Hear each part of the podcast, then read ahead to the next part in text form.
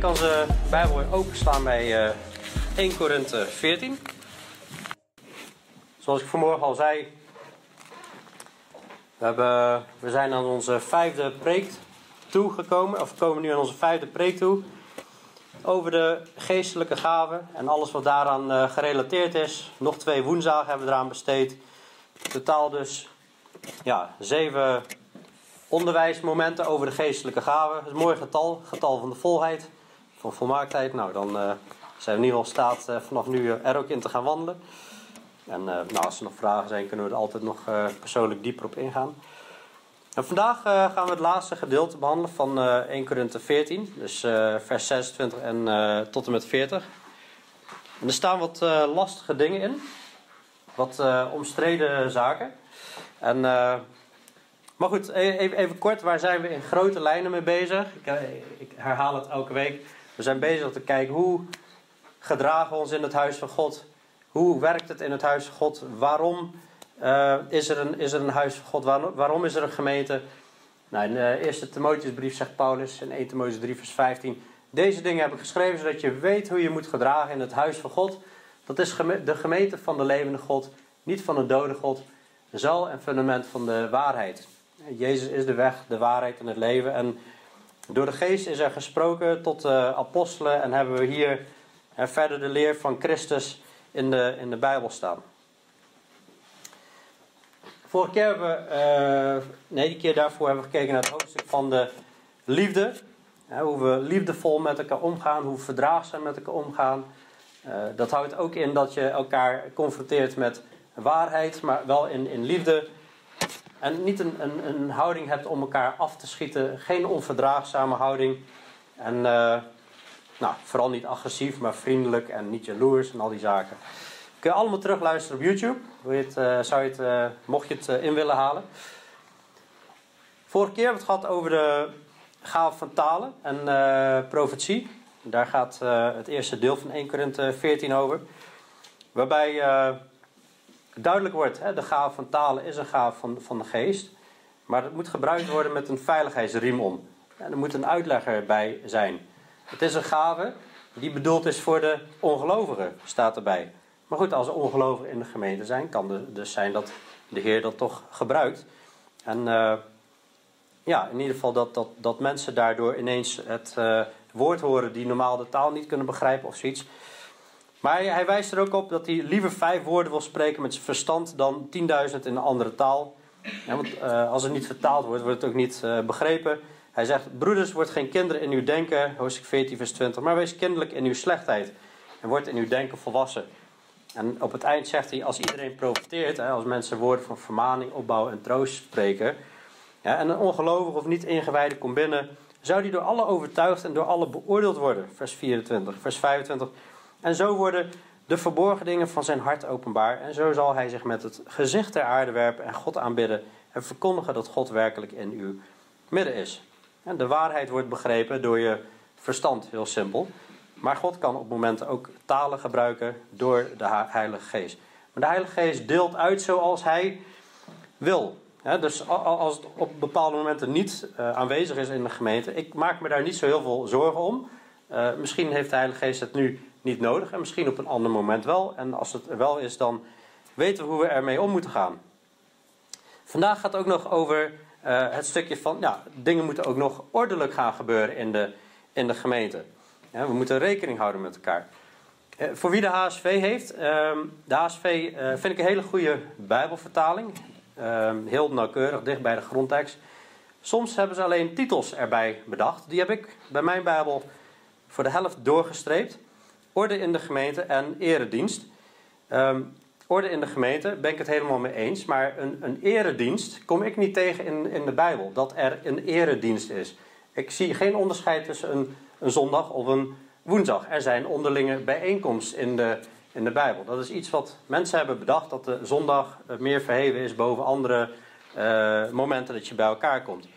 En volgens mij is elke dienst ter ere van God. En dat zou in ieder geval zo, uh, zo moeten zijn. En zo niet, dan is er iets uh, aan de hand als het een kaartclub is geworden bijvoorbeeld. Oké, laten we uh, vers uh, 26 tot 33 lezen. En dan doen we het, het tweede deel doen we, doen we later. Hè, want daar zit een, een kleine knip in, als ik het zo even mag zeggen. Hoe is het dan, broeders? Telkens wanneer u samenkomt, heeft iedereen wel een psalm. Of hij heeft een onderwijzing, of hij heeft een andere taal, of hij heeft een openbaring, of hij heeft een uitleg.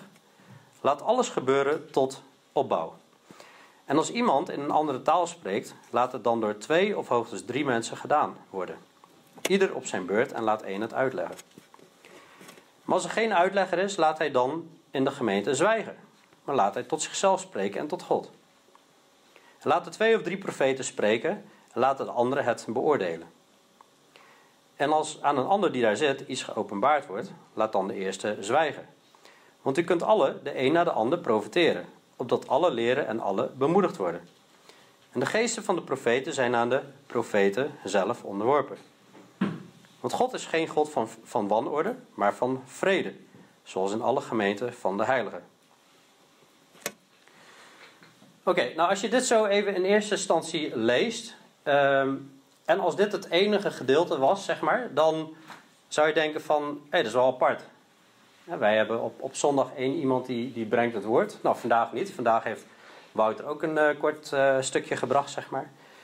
Maar als dit het enige stukje was, dan zou je zeggen van... hé, uh, hey, doen wij het wel goed? Hè? Is, dit, is dit wel de manier waarop we samen horen te komen? Nou, vooral vers 26, dat, dat is helemaal de vraag hoe interpreteer je dat? Want in de Bijbel heb je soms beschrijvingen. Soms dingen, hè, die, die, hè, dat is een beschrijving van hoe het er nu aan toe gaat. En soms heb je iets wat een voorschrijvend is. Hè, dat uh, Paulus iets voorschrijft. De vraag is, is dit een omschrijving in vers 26 van hoe het op dat moment, uh, uh, hoe men op dat moment het opereren is in de gemeente? Ehm, of is dit wat Paulus aan het voorschrijven is? Hij zegt, hoe is het dan broeders, telkens wanneer u samenkomt, heeft iedereen wel een psalm, of hij heeft een onderwijzing, of hij heeft een andere taal, of hij heeft een openbaring, of hij heeft een uitleg. Laat alles gebeuren tot opbouw. Nou, we hebben woensdag ook gekeken, want het is heel belangrijk bij de Bijbeluitleg, wat is eigenlijk de boodschap die hij uh, eigenlijk aan het communiceren is. Niet alleen in dit stukje, maar in, in zijn geheel, in de hele brief. De Korinthe gemeente is een chaotische gemeente. Op allerlei terreinen, op, op moreel vlak, maar dus ook met de geestelijke gaven. Ze hielden geen rekening met elkaar. Dat ademt hier heel sterk uit. En um, hij is deze brief aan schrijven in 1 Korinthe 4. Hè, dan zegt hij ook van ik zal... Um, ik zal hem er even bij pakken.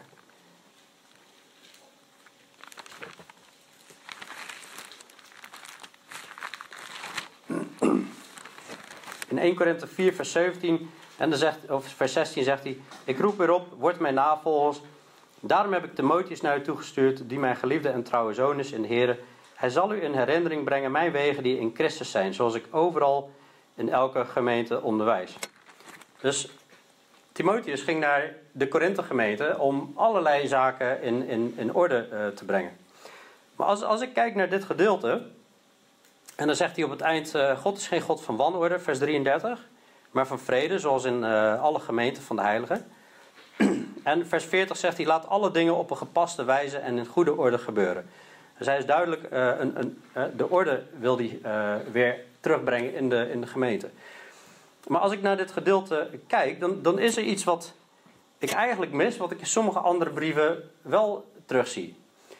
En in deze brief mis ik de ouderlingen en de voorgangers en, en de, de opzieners. Hè. Terwijl bijvoorbeeld in de Filipijnse brief, er wordt gewoon aangeschreven aan de heiligen met de opzieners en de diakenen. In de eerste Korinthebrief wordt gewoon geschreven aan de heiligen met alle die de Heer aanroepen in alle plaatsen.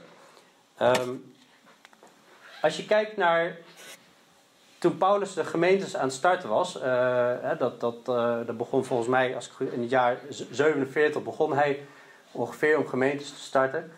En dan ging hij later ging hij terug om ouderlingen aan te stellen. Nou, de eerste Korinthe brief, hè, dat is in, in het jaar 55 geschreven. Je ziet hier nog niks over, over ouderlingen. Terwijl als je kijkt naar de herderlijke brieven van uh, Titus en Timotheus, en dat waren uh, geestelijke leiders of, of herders. Hè. Daar wordt vooral gesproken over, over hè, het is belangrijk dat er ouderlingen zijn. Een hele lijst met voorwaarden. En die moeten gaan, gaan toezien. Die moeten orde gaan brengen in de, in de gemeentes.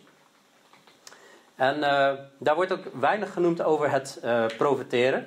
Maar met name, er moet een, een, een leiderteam zijn met ouderlingen en diakenen. Dus ik wil even, voordat we dit stukje gaan, verder door gaan werken en gewoon gaan, gaan uitleggen, wil ik kijken naar wat er nog meer gaande is in de gemeente. Wat zeggen andere gedeeltes over het reilen en zeilen in de gemeente? Om een goed plaatje te krijgen, om in balans de dingen uit te kunnen leggen. Hetzelfde geldt over, over het volgende stukje wat we later gaan behandelen. Over uh, vrouwen in de gemeente die moet, moeten zwijgen. Dan moeten we schrift met schrift gaan vergelijken. Wat zeggen andere gedeeltes? Hè? Want als je dat hier uit vers 34 en 35, wat we straks zullen bekijken. Als je dat volledig isoleert, en dat is het ene gedeelte, dan kom je misschien tot uh, verkeerde conclusies. Dus het is niet dat ik uh, dit gedeelte anders wil uitleggen, maar ik wil even het totaalplaatje laten zien en dan gaan we vers voor vers er doorheen. Nou, één ding zie ik wel op andere plekken, en dat is: laat het woord van Christus in rijke mate in u wonen. Dat staat in Colossense 3 vers 16, in alle wijsheid. dus het woord van God moet in ieder geval gebracht worden. Onderwijs elkaar en wijs elkaar terecht in of met psalmen, lofzangen en geestelijke liederen. Dus ja, het, het zingen van liederen hoort wel degelijk bij een dienst. En zing voor de Heer met dank in uw hart. Nou, gewoon goed. Belangrijk, bevestigd te zien van, oh, gelukkig, eh, wij, wij doen hier iets wat bijbels is als wij ochtends uh, zingen. Maar vervolgens moet je ook nog kijken van, hé, hey, het moet uh, gepaard gaan met, met, onderwijs. En, en, toetsen wij onze liederen wel?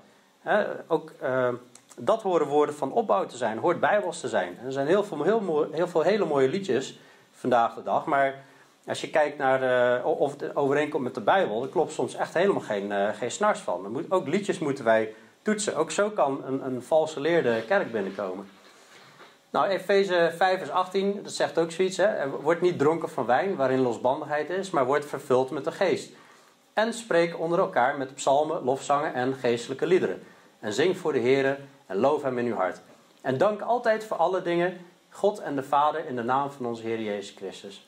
Wees elkaar onderdanig in de vreze Gods. Oh, ook een belangrijk gegeven. Elkaar onderdanig zijn. Maar ik zie hier ook weer geestelijke liederen, lofzangen, psalmen en vervuld worden met de geest. Nou, hier heeft hij het over het woord van Christus rijkelijk in je laten wonen. En, en hier spreekt hij over vervuld worden met de geest. Nou, volgens mij gebeurt, uh, word je vervuld met de geest door het woord van Christus rijkelijk in je te laten wonen en ook door gebed. Dus ik zie in ieder geval bevestigd op andere plaatsen dat, hè, wat in vers 26 staat, hè, uh, heeft iemand een psalm of een onderwijzing, dat is duidelijk een onderdeel wat we in de, in de gemeente doen. dus dat is in ieder geval bevestigd. Wat ik ook zie is dat Paulus in Handelingen 20, sorry het is even een stukje tekst, maar um, daar laat hij, hij komt op een gegeven moment in de buurt van Efeze en dan laat hij de ouderlingen laat hij bij zich halen. En dan zegt hij tegen hem, ik betuig u op de huidige dag dat ik rein ben van het bloed van u allen want ik heb niet nagelaten u heel het raadsbesluit van God te verkondigen. Nou, Paulus heeft uh, drie jaar lang, dat, dat zien we in vers 31, handelingen 20, vers 31, drie jaar lang in Efeze onderwijs gegeven. Twee jaar daarvan heeft hij in een, in een school dagelijks onderwijs gegeven.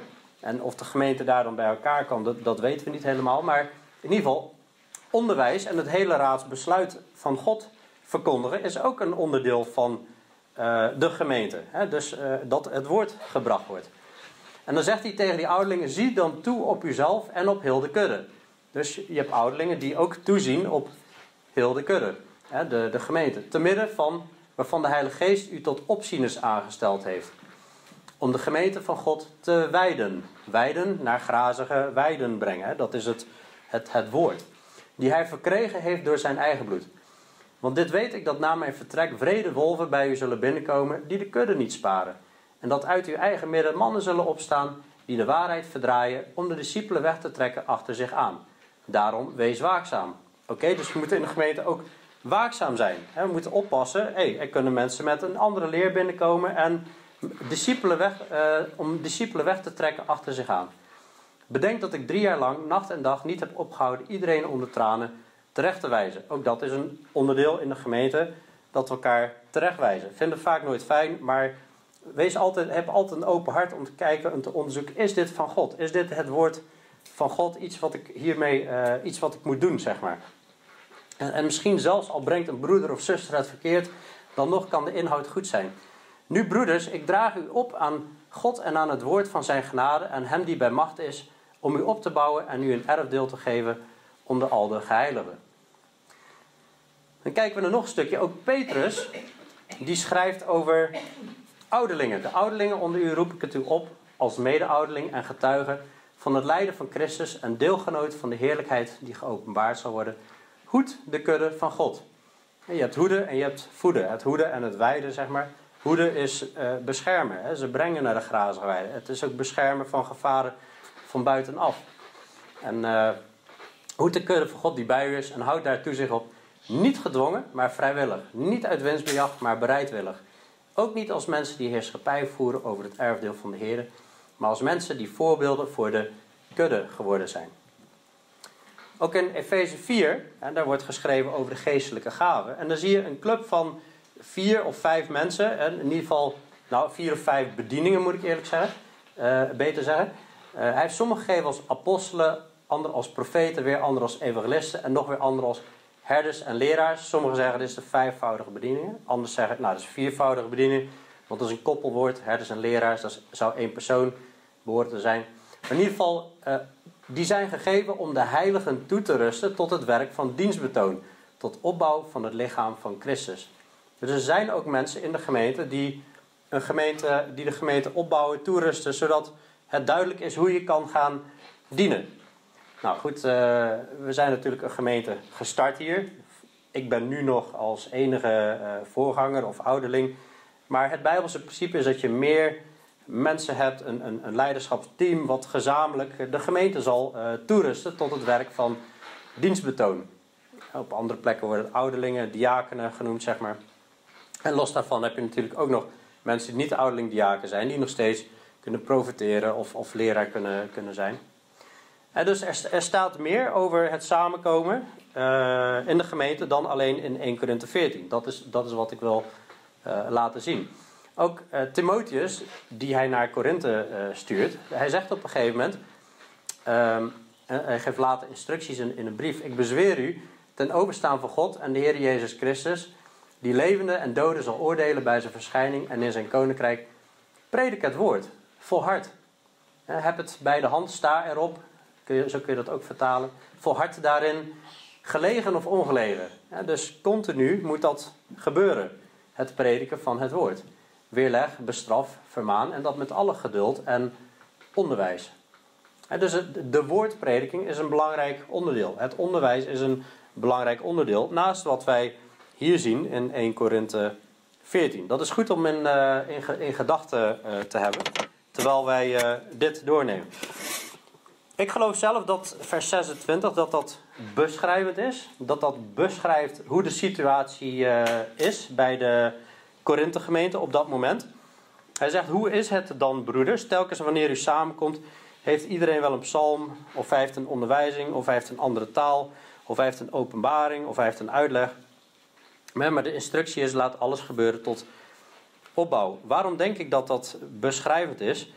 Um, omdat hij in vers 33 zegt: God is geen God van wanorde, maar van vrede, zoals in de gemeenten van de heiligen. En hij in vers 40 ook terecht wijst: laat alle dingen op een gepaste wijze en in goede orde gebeuren. En alles ging door elkaar, lezen we in versen 27 tot 32. We weten ook dat de Korinthe gemeente een grote gemeente was. Want toen, uh, uh, volgens mij is handeling 18, daar is Paulus, die is eigenlijk bevreesd in, in, in Korinthe. En uh, Alsof hij het gevoel heeft, ik wil, ik wil verder gaan. Maar uh, dan, dan vertelt de Heer hem, nee, uh, ik, wees niet bevreesd, blijf in deze stad, want ik heb hier veel mensen. En dus ik geloof dat de Korinthe gemeente ook een grote gemeente is. Als al die mensen door elkaar gaan, ja, ik noem het maar even tetteren, hè, dan is gewoon een, een, grote, een grote chaos wordt het dan. Ja, en hij geeft nu ook instructies dan in vers 27 als iemand in een andere taal spreekt, laat het dan door twee of hoogstens drie mensen gedaan worden. Ieder op zijn beurt. en laat één het uitleggen. Maar als er geen uitlegger is, laat hij dan in de gemeente zwijgen. Maar laat hij tot zichzelf spreken en tot God. Dus hij heeft natuurlijk al heel veel uitgelegd over de gave van talen. Maar hij gaat er nu dieper op in. En dit is allemaal relevant voor ons, sowieso omdat God het geschreven heeft. En heel de schrift is ingegeven hè, om ons te schuren en te schaven. Dit is belangrijke informatie. In, in, heel veel kerken gebeurt dit niet. En, en dan zie je een soort extase, of mensen een soort, lijkt wel bijna hypnotisch in, in, in, bepaalde uh, gaven te wandelen, zeggen ze dan. Maar hier zie je gewoon heel duidelijk van, als iemand in een andere taal spreekt, laat het door twee of hoogstens drie mensen gedaan worden. Je hoeft niet allemaal door elkaar heen uh, te gaan. En dat, dat is sowieso niet erg liefdevol als iedereen door elkaar heen aan het praten is. Hoogstens twee, uh, door twee of hoogstens drie mensen moet dit gedaan worden. Ieder op zijn eigen beurt, niet door elkaar heen. En dat zegt dus ook gelijk dat het geen um, gave is die jou in één keer. Hè, bij de uitstorting van de Heilige Geest zie je het wel, hè, dan, dan overkomt het de mensen. Maar dat, dat je er controle over kan uitoefenen. Het is niet dat, je helemaal over, dat jouw wil helemaal overgenomen wordt in een soort extase. Want men kan ervoor kiezen dat dit de een naar de ander, dat de een naar de ander hè, dus in, in talen gaat spreken. Dus je ziet eigenlijk verschillende instructies. Vers 26 op het eind, laat alles gebeuren tot opbouw. Als iemand in een andere taal spreekt, hè, laat het dan door uh, twee hoogstens drie mensen uh, gedaan worden. Dat is het tweede punt. Het derde punt is ieder dan op zijn beurt. En het vierde punt is laat, uh, laat één het uitleggen. En het vijfde punt is dan, maar als er geen uitlegger is, laat hij dan in de gemeente zwijgen, maar laat hij tot zichzelf spreken en tot God. En dus vijf punten over hoe opereren we met die geestelijke gaven binnen de gemeente. Nou, hier, hier, hier staat het. En uh, heel veel meer kan ik er ook niet aan uitleggen. Ik geloof nog steeds dat, hè, dat laat hij tot zichzelf spreken en, en tot God. Dat, dat je dat ook moet zien in de context van het geheel in 1 Korinthe 14, waar we het vorige week over hebben gehad. Hè. In de gemeente, ik, ik spreek liever vijf woorden met mijn verstand dan 10.000 in een andere taal. Het is ook belangrijk dat je het zelf begrijpt. In, in uh, hoofdstuk 14, vers 14 staat: hè, Als ik in een andere taal bid, bid mijn geest, maar mijn verstand blijft zonder vrucht. Hoe is het dan? Ik zal met mijn geest bidden, maar ik zal ook met mijn verstand bidden. Ik zal met mijn geest lof zingen, maar ook met mijn verstand lof zingen.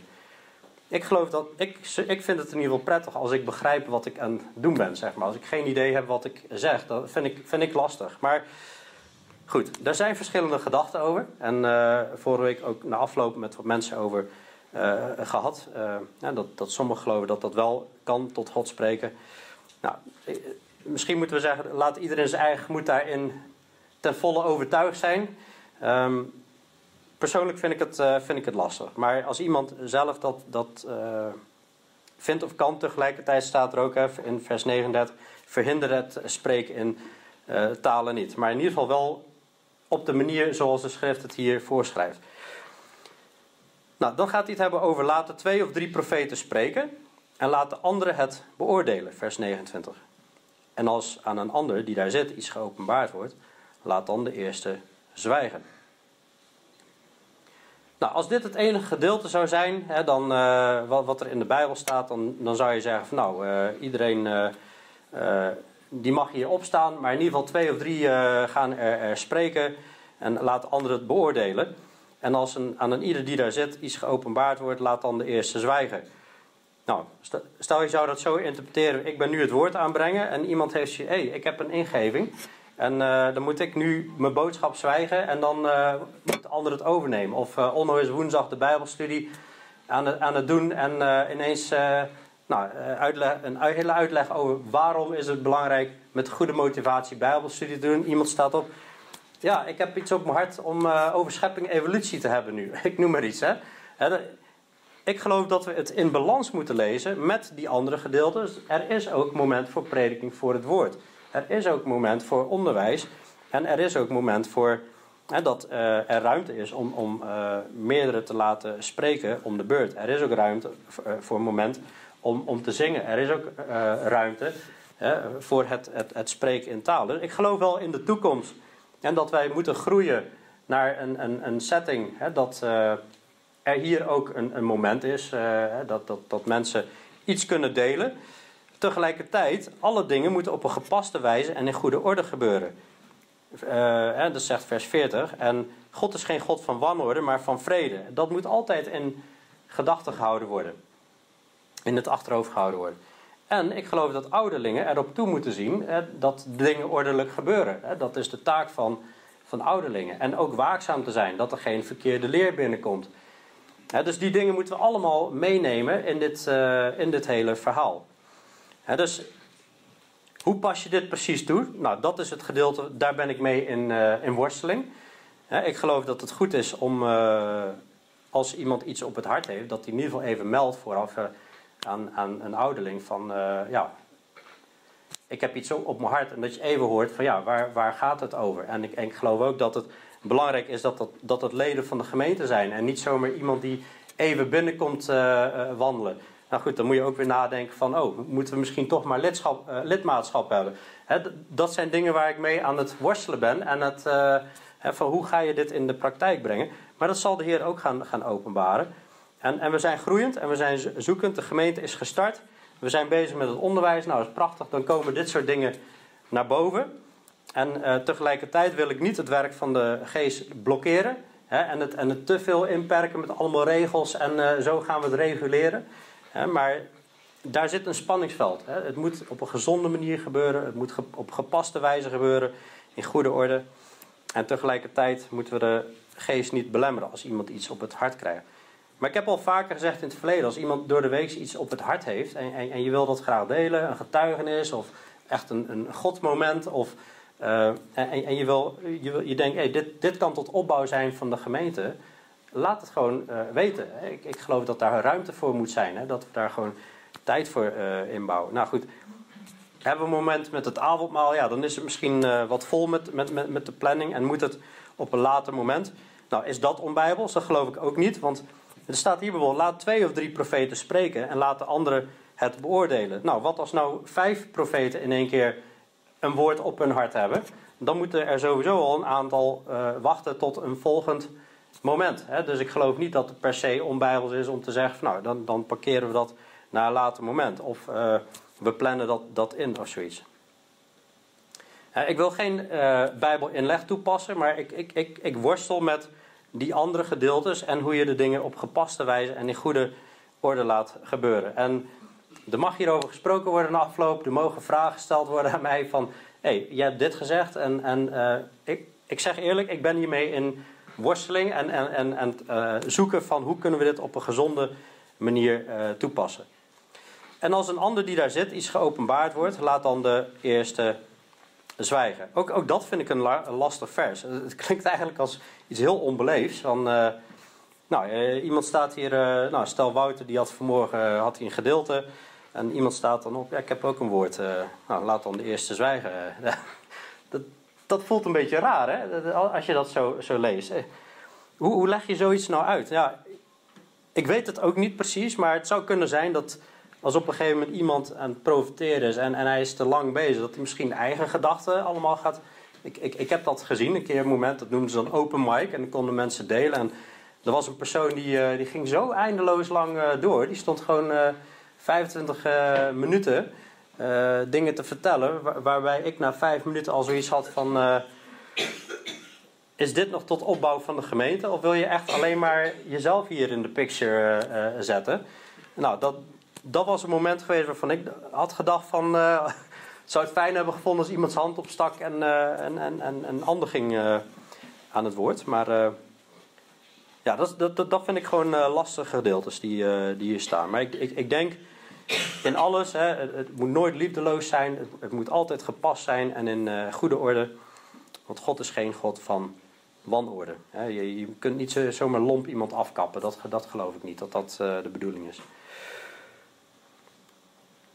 En als iemand andere gedachten heeft, een betere uitleg hierover, dan uh, deelt met me. Dan, ik, ik ben hier ook gewoon zoekend in. Want u kunt alle, de een na de ander, profiteren, opdat alle leren en alle bemoedigd worden. En volgens mij is dat gewoon het hele punt wat hij hier wil duidelijk maken. Jongens, die, die gave, dat is iets heel erg moois. En dat is bedoeld zodat de gemeente opgebouwd wordt. Dat is bedoeld zodat anderen leren, zodat anderen bemoedigd worden. Dat is niet bedoeld om jezelf in de picture te zetten. Dat is niet bedoeld om hier allemaal door elkaar te gaan tetteren. Nee, de dingen moeten op gepaste wijze, om de beurt, uh, moeten de dingen uh, gebeuren. Vers 32. En de geesten van de profeten zijn aan de profeten zelf onderworpen. En wees elkaar onderdanig. In de vrezen des Heren stond er geloof ik net, in Efeze 5. Geesten van de profeten zijn aan de profeten zelf onderworpen. Je hebt, uh, je, hebt, je hebt een stuk onderdanigheid. Maar ik geloof, ja, misschien wordt hier ook wel mee bedoeld. Het, is geen, geen uh, extatisch iets. Hè. Je, bent, je bent onderworpen aan de geesten van de uh, profeten. God is geen God van wanorde, maar van vrede, zoals in alle gemeenten van de heiligen. En we mogen echt vrede ervaren in de gemeente. We mogen orde ervaren in de, in de gemeente. En uh, nou, als iemand ergens op een bepaald punt het gevoel heeft van, nou, dat vind ik niet echt ordelijk, of ik vind dat verwarrend, of geef het gewoon aan. Misschien zie ik ook wel dingen over het hoofd. Maar ook als iemand het idee heeft, ja, maar ik heb het idee dat eh, als we dingen op een bepaalde manier zo en zo gaan reguleren, eh, dat de Heilige Geest te veel aan banden gelegd wordt. Kom ook naar, naar me toe en, en, en laten we dan samen de schrift openen en dat samen bestuderen. Als ik dingen over het hoofd zie, wil ik dat ook weten. Dan komen we bij vers 34 en 35. En dan gaat hij eigenlijk verder over de orde in de gemeente. Alleen dan over het gedeelte van vrouwen in de gemeente. Nou, heel veel zien dit als een uh, zeer vrouwonvriendelijk uh, stuk. Um, nou goed, we, we, gaan vers voor vers door de Bijbel. En, en je komt tegen wat je tegenkomt. Maar hoe moeten we dit stuk ook uitleggen? Vers 34 en 35. Laat uw vrouwen in de gemeenten, in de gemeenten meervoud zwijgen het is hun immers niet toegestaan te spreken, maar bevolen onderdanig te zijn, zoals ook de wet zegt. En als ze iets willen leren, laten zij dat, laten zij dat dan thuis aan hun eigen man vragen. Het is immers schandelijk voor vrouwen om in de gemeente te spreken. Nou, als je alleen deze versen zou hebben in de Bijbel, dan denk ik, nou, dan is er niet heel veel ruimte voor vrouwen om publiekelijk iets uh, te doen. Alleen dit zijn niet de enige gedeelten die over vrouwen gaan. We hebben in 1 Korinthe 11 hebben we ook al best lang daarbij stilgestaan. Wat is er gebeurd bij de schepping? Hoe heeft God het huwelijk bedoeld? Hoe heeft God man-vrouw bedoeld? Wat is er gebeurd na de schepping? Welke vloek ligt er op de schepping? Wat was de vloek voor de vrouw en de vloek voor de man? En uh, nou, God heeft gewoon een, een, een hiërarchie. God, Christus, man en vrouw heeft hij gewoon in de schepping gelegd. Dat staat letterlijk in 1 Korinthe 11. Anderen zeggen, ja, maar gelaten 3 vers 27 staat... in Christus is nu uh, geen onderscheid tussen Griek en Jood en man en vrouw. Dat klopt, maar dat heeft gewoon te maken met je redding. In die zin is er dan geen onderscheid. Niet meer onder die wet zijn, maar in Christus zijn. Maar qua rollen binnen de gemeente is er nog wel onderscheid. God, Christus, man, vrouw. Die orde is er in de gemeente. Daarom schrijft hij over die, die hoofdbedekking. Hè? Vanwege de scheppingsorde, maar ook vanwege de engelen, zegt hij dan. Maar ook in hetzelfde hoofdstuk, daar heeft hij het over. Hè, iedere vrouw die bidt of profeteert met onbedekt hoofd, die onteert haar eigen hoofd. Hey, dat is interessant. Ik ga niet helemaal in op de hoofddekking. Dan kun je luisteren in, 1 Korinthe, in de preek van 1 Korinthe 11 online. Maar het is interessant dat hij het heeft over bidden en profeteren. Dat een vrouw bidt of profeteert. Wat was profeteren ook alweer? In 1 Korinthe 14 staat: Wie profeteert, uh, 1 Korinthe 14, vers 3: Wie profeteert, spreekt tot mensen woorden van opbouw, vermaning en troost.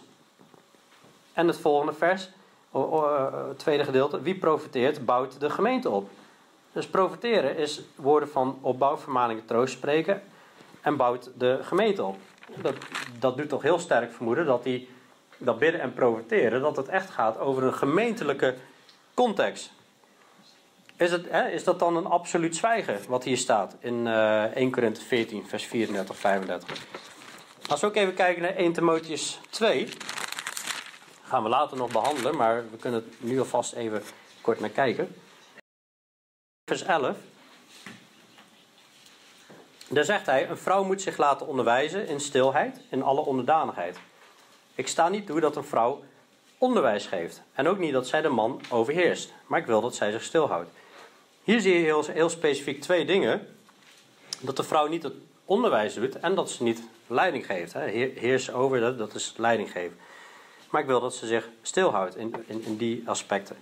Je ziet ook dat de ouderlingen en de diakenen, dat zijn steeds mannen. En er staat 1, 1 Timotheus 3 en Titus 1. Hij legt ook uit waarom. In 1, uh, 1 Timotheus 2 vers 14. Want Adam is eerst gemaakt en daarna Eva. Dus vanwege de scheppingvolgorde.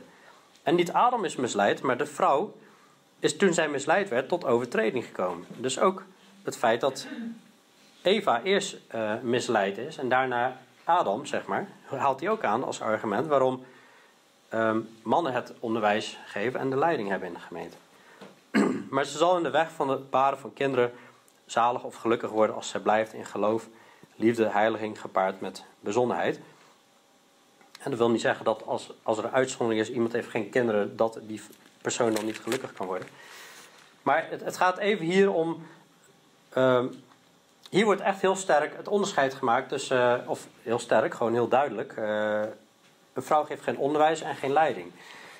In vers 34, 35, in 1 Korinthe 14, waar we zitten, dan zie je in vers 35, als zij iets wil leren, laat zij dan thuis aan hun eigen man vragen. Het lijkt alsof er vrouwen waren in de gemeente die zich mee in begonnen, uh, die zich mee aan het inmengen waren in het onderwijs en het onderwijs uh, geven. En alsof hij dat aanspreekt. Hè. Dus persoonlijk geloof ik, als ik schrift met schrift vergelijk, dat een, een goede uitleg van dit gedeelte is dat de vrouw niet de spreker hoort te zijn. In die zin, hè, laat ze niet spreken. Niet de spreker in die zin van degene die onderwijs geeft. Of die sowieso ook niet de leiding neemt. En zo geloof ik dat, dat we dit vers kunnen uitleggen in balans met de andere schriften. Sommigen zeggen dan, ja, mijn vrouw mag dan echt helemaal niks. Nou, dat is niet zo. We hebben in uh, uh, 1 Korinthe 12, nee, 1 Korinthe 11, heb ik hier een hele lijst laten zien met 20 verschillende gaven van de geest. Waarbij je ziet, uh, nou, leiding kan niet en onderwijs kan niet. Maar er blijven nog heel veel andere gaven van de geest blijven over, die, waar een vrouw wel in kan opereren. Dus mensen die zeggen, ja, een vrouw mag dan niks, dat is niet zo.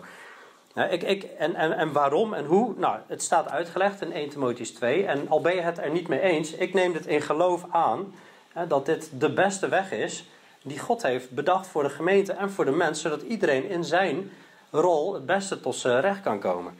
En we kunnen dat ja, eh, proberen ijzer met handen te buigen en per se onze wensen doorvoeren als we het hier niet mee eens zijn. Maar ik, ik geloof dat je dan altijd tegen moeilijkheden aan gaat lopen, omdat je het niet in de wil van God wandelt. Het is ook niet, sommigen zeggen, ja, maar de, vanwege cultuur, dit en dat, uh, heeft Paulus dit voorgeschreven in de Korinthe gemeente. Dat geloof ik niet. want in vers 33 zegt hij, God is geen God van wanorde, maar van vrede, zoals in alle gemeenten, meervoud. En dan begint hij vers 34, laat uw vrouwen in de gemeenten, meervoud, zwijgen. We zien ook de eerste Korinthebrief is geschreven aan alle heiligen in Korinthe, met alle die de Heer aanroepen in alle plaats. En in 1 Timotheus 4 zegt hij ook van, uh, of in 1 Korinthe 4, ik stuur Timotheus naar jullie toe. En die zal jullie al mijn wegen die in Christus zijn uitleggen uh, uh, of onderwijzen. Zoals ik in alle plaatsen onderwijs. Dus dat is Paulus onderwees op alle plekken hetzelfde. Vers 36. Of is het woord van God van u uitgegaan? Of heeft het alleen u bereikt? Ook onduidelijk wat hij daar precies mee bedoelt. Maar is, is het woord van God misschien niet meer bij je? Of heeft het alleen maar jullie bereikt, maar doe je er niks mee? Als iemand denkt dat hij een profeet is of een geestelijk mens, laat hij dan erkennen dat wat ik u schrijf geboden van de Here zijn. En ik geloof dat het niet alleen gaat over dit stukje, wat we vandaag hebben behandeld, maar maar over hoofdstuk 1 tot en met 14. Daar behandelt hij eigenlijk alles wat binnen de gemeente uh, belangrijk is om, om mede te delen. dus vanaf hoofdstuk 1 uh, tot en met 4 daar ging het over geen verdeeldheid over de leiders. Hoofdstuk 5 geen hoererij in de gemeente. Hoofdstuk 6 geen rechtszaken uh, tussen, tussen christenen. En allerlei andere zondes behandelt hij dan. Hoofdstuk 7 over het huwelijk. Of als je vrijgezel bent, geeft hij allemaal instructies over. Hoofdstuk 8 gaat over wat doen we met offervlees. Nou, dan heb je hoofdstuk 9, dat ging over het, het geven binnen de, binnen de gemeente, eh, financieel geven. Hoofdstuk 10 over hey, Israël is geschreven voor ons als voorbeeld. Let op dat wij niet struiken. Nou, hoofdstuk 11 hebben we gezien dat ging over de orde in de, in de gemeente. Uh, God, Christus, man, uh, vrouw. En dan, en dan is er uh, geschreven over het avondmaal. En dan vanaf hoofdstuk 12 tot hier, dat gaat allemaal over de geestelijke gaven. Ik geloof dat al die aspecten, dat hij wil aangeven als iemand denkt dat hij een profeet is of een geestelijk mens, laat hij dan erkennen dat wat ik u schrijf geboden van de Heer zijn. Hier kun je dus al heel duidelijk erkennen, herkennen of iemand een, werkelijk een, profeet van God is, uh, of, een, of een geestelijk uh, volwassen of geestelijk onvolwassen. Hier kun je al een onder. En er zijn wel meer kenmerken hoe je onderscheid kan maken. Als een persoon alleen maar al deze versen van tafel wil vegen, alleen maar uh, al die hoofdstukken die we behandeld hebben van tafel vegen. Nou, dan moet je je afvragen: hè, is dat dan een, een profeet of een geestelijk mens? Ja, de erkenning van wat Paulus schrijft, dat dat geboden van de Heer zijn, dat is belangrijk voor een profeet of een geestelijk mens. Maar als iemand onwetend wil zijn, laat hij onwetend zijn. Er zijn altijd mensen die in onwetendheid willen blijven, uh, bewust. Laat hij onwetend zijn, zegt hij. Ik, ik, weet niet waarom hij dat zegt, maar uh, la, laat ze maar. Hè, alsof hij dat uh, wil zeggen. Daarom, broeders, streef ernaar om te profiteren en verhinder het spreken in andere talen niet. Laat alle dingen op een gepaste wijze en in goede orde gebeuren. En dus hij heeft het al vaker gezegd dat we moeten streven om te profiteren, moeten streven naar de geestelijke gaven.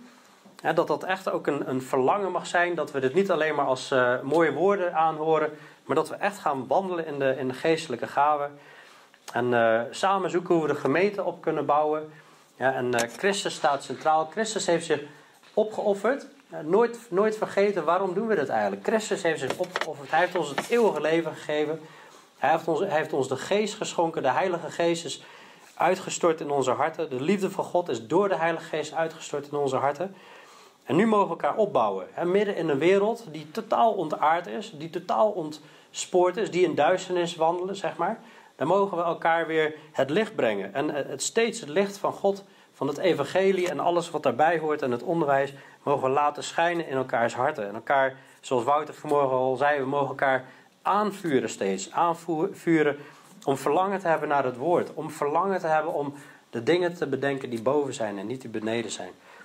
Maar de waarschuwingen bij, laat alle dingen op een gepaste wijze en in goede orde gebeuren. God is geen God van wanorde, maar van vrede, zoals in alle gemeenten van heilen. Dus laten we zoeken naar die vrede, dat het een stukje hemel op aarde mag zijn en dat we hè, niet verhinderen dat de Heilige Geest door bepaalde gaven heen werk. Sommige dingen vinden we misschien eng, omdat we misschien negatieve ervaring hebben. Die neiging heb je altijd. Ook ik heb een negatieve ervaring, schiet ik de hele andere kant op, zeg maar. Dat, belangrijk dat we dat in balans samen gaan zoeken. Ik ga niet achter iedereen aanrennen. Van, hé, uh, hey, wandel je al je gaat wandelen. Nee, het is een opdracht voor ieder om te streven naar woorden van God te spreken. Het is een opdracht van ieder om te wandelen in zijn gaven, te zoeken naar zijn gaven, zeg maar. En ik geloof dat we elkaar erin mogen aanvoeren, vuren. Maar ik ga niet mensen aan de mouw trekken, zeg maar. En als het goed is, doet de prediking van het woord dat vanzelf, als we een open hart hebben. Maar we willen van harte iedereen helpen om in de geestelijke gaven te gaan wandelen. dus als je ja, ik heb het idee, ik wil hierin stappen maken, of mag ik daarin helpen? Of als je niet weet wat je moet gaan doen. Nou, Rebecca en ik hebben genoeg uh, dingen die we graag uh, uit handen zouden willen geven. Wensen die we in de toekomst bij uh, andere mensen neer kunnen leggen, zeg maar. En dan kunnen wij ook weer andere dingen gaan doen. Maar laten we altijd beseffen dat het draait om Christus en om, om Hem te eren, Hem te verheerlijken. We zijn duur gekocht en de Vader te verheerlijken door alle geestelijke gaven heen. En de komende paar weken, volgende week gaan we, gaan we even ergens anders over hebben bij de doopdienst gaan we het hebben over de opstanding van Christus, de opstanding van de doden, het nieuwe lichaam wat we gaan krijgen. En daar kijk ik zo enorm naar uit om, om, om, om weer stil te staan bij wat er allemaal gaat gebeuren in de toekomst. En dat, dat is onze hoop, dat er een opstanding is. En dat we totaal gaan veranderen. En wat er nu is, allemaal op een dag er niet meer is. En dus dat is uh, ook prachtig om te zien dat je daarbij stil mag staan in de gemeente. Zullen we bidden? Hemels Vader, Heer Jezus, dank u wel voor deze dag. Dank u wel voor uh, het woord. Het is misschien uh, ja, op sommige plekken wat, hoe moet ik dat zeggen, wat, wat drogere informatie, feitelijke informatie, hoe we dingen ordelijk moeten laten gebeuren. Maar u hebt het opgeschreven, Heer. Daarom geloof ik dat het belangrijk is dat we hierbij stilstaan. Zodat het geen chaos wordt, zoals we ja, toch eigenlijk op veel plekken zien. Dat mensen verward raken en dat er wanorde is. En terwijl u juist een God van vrede bent. Heer, wilt u die vrede laten heersen in onze harten en in deze gemeente. Dat we elkaar mogen opbouwen op een manier die, die Godwaardig is, die u, hè, waar, waar u blij van wordt, maar ook de medemens blij van wordt. Wilt u ons helpen om daarin, uh, ja, ook in, in, de toekomst de ruimte te gaan geven die er, uh, die er moet zijn, die u op het oog hebt, Heer. En dat u ook in, in de harten van mensen gaat werken, Heer. Om, uh, dat u de geest opwekt bij ieder om, om te gaan dienen.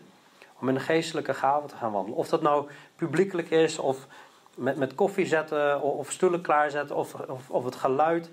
Het is allemaal belangrijk. En, en het is allemaal goed en tot eer van u. En we danken u voor al die gaven die u hebt gegeven. Gaven van ontferming, gaven van gebed, gaven van geloof, gaven van genezing. Heer, we, we danken u daarvoor dat u ons niet alleen hebt achtergelaten, maar de Heilige Geest heeft gegeven om elkaar op te bouwen en om uw gemeente te bouwen. Wilt u ons helpen om allemaal als levende stenen te bouwen aan het werk wat u begonnen bent? Aan het werk wat u ontworpen hebt, als bouwmeester en als architect. Heer, we danken u voor uw liefde en uw trouw. Heer, wilt u onze harten wil vullen met uw eh, geest, Heer. Vullen met uw liefde, Heer. En iedereen deze week ook weer eh, dicht bij u houden, Heer. En uh, ja, dat we dagelijks in, in warmte, in, in gebed en in het woord met u mogen wandelen. Dank u voor uw liefde en uw trouw. In Jezus' naam. Amen.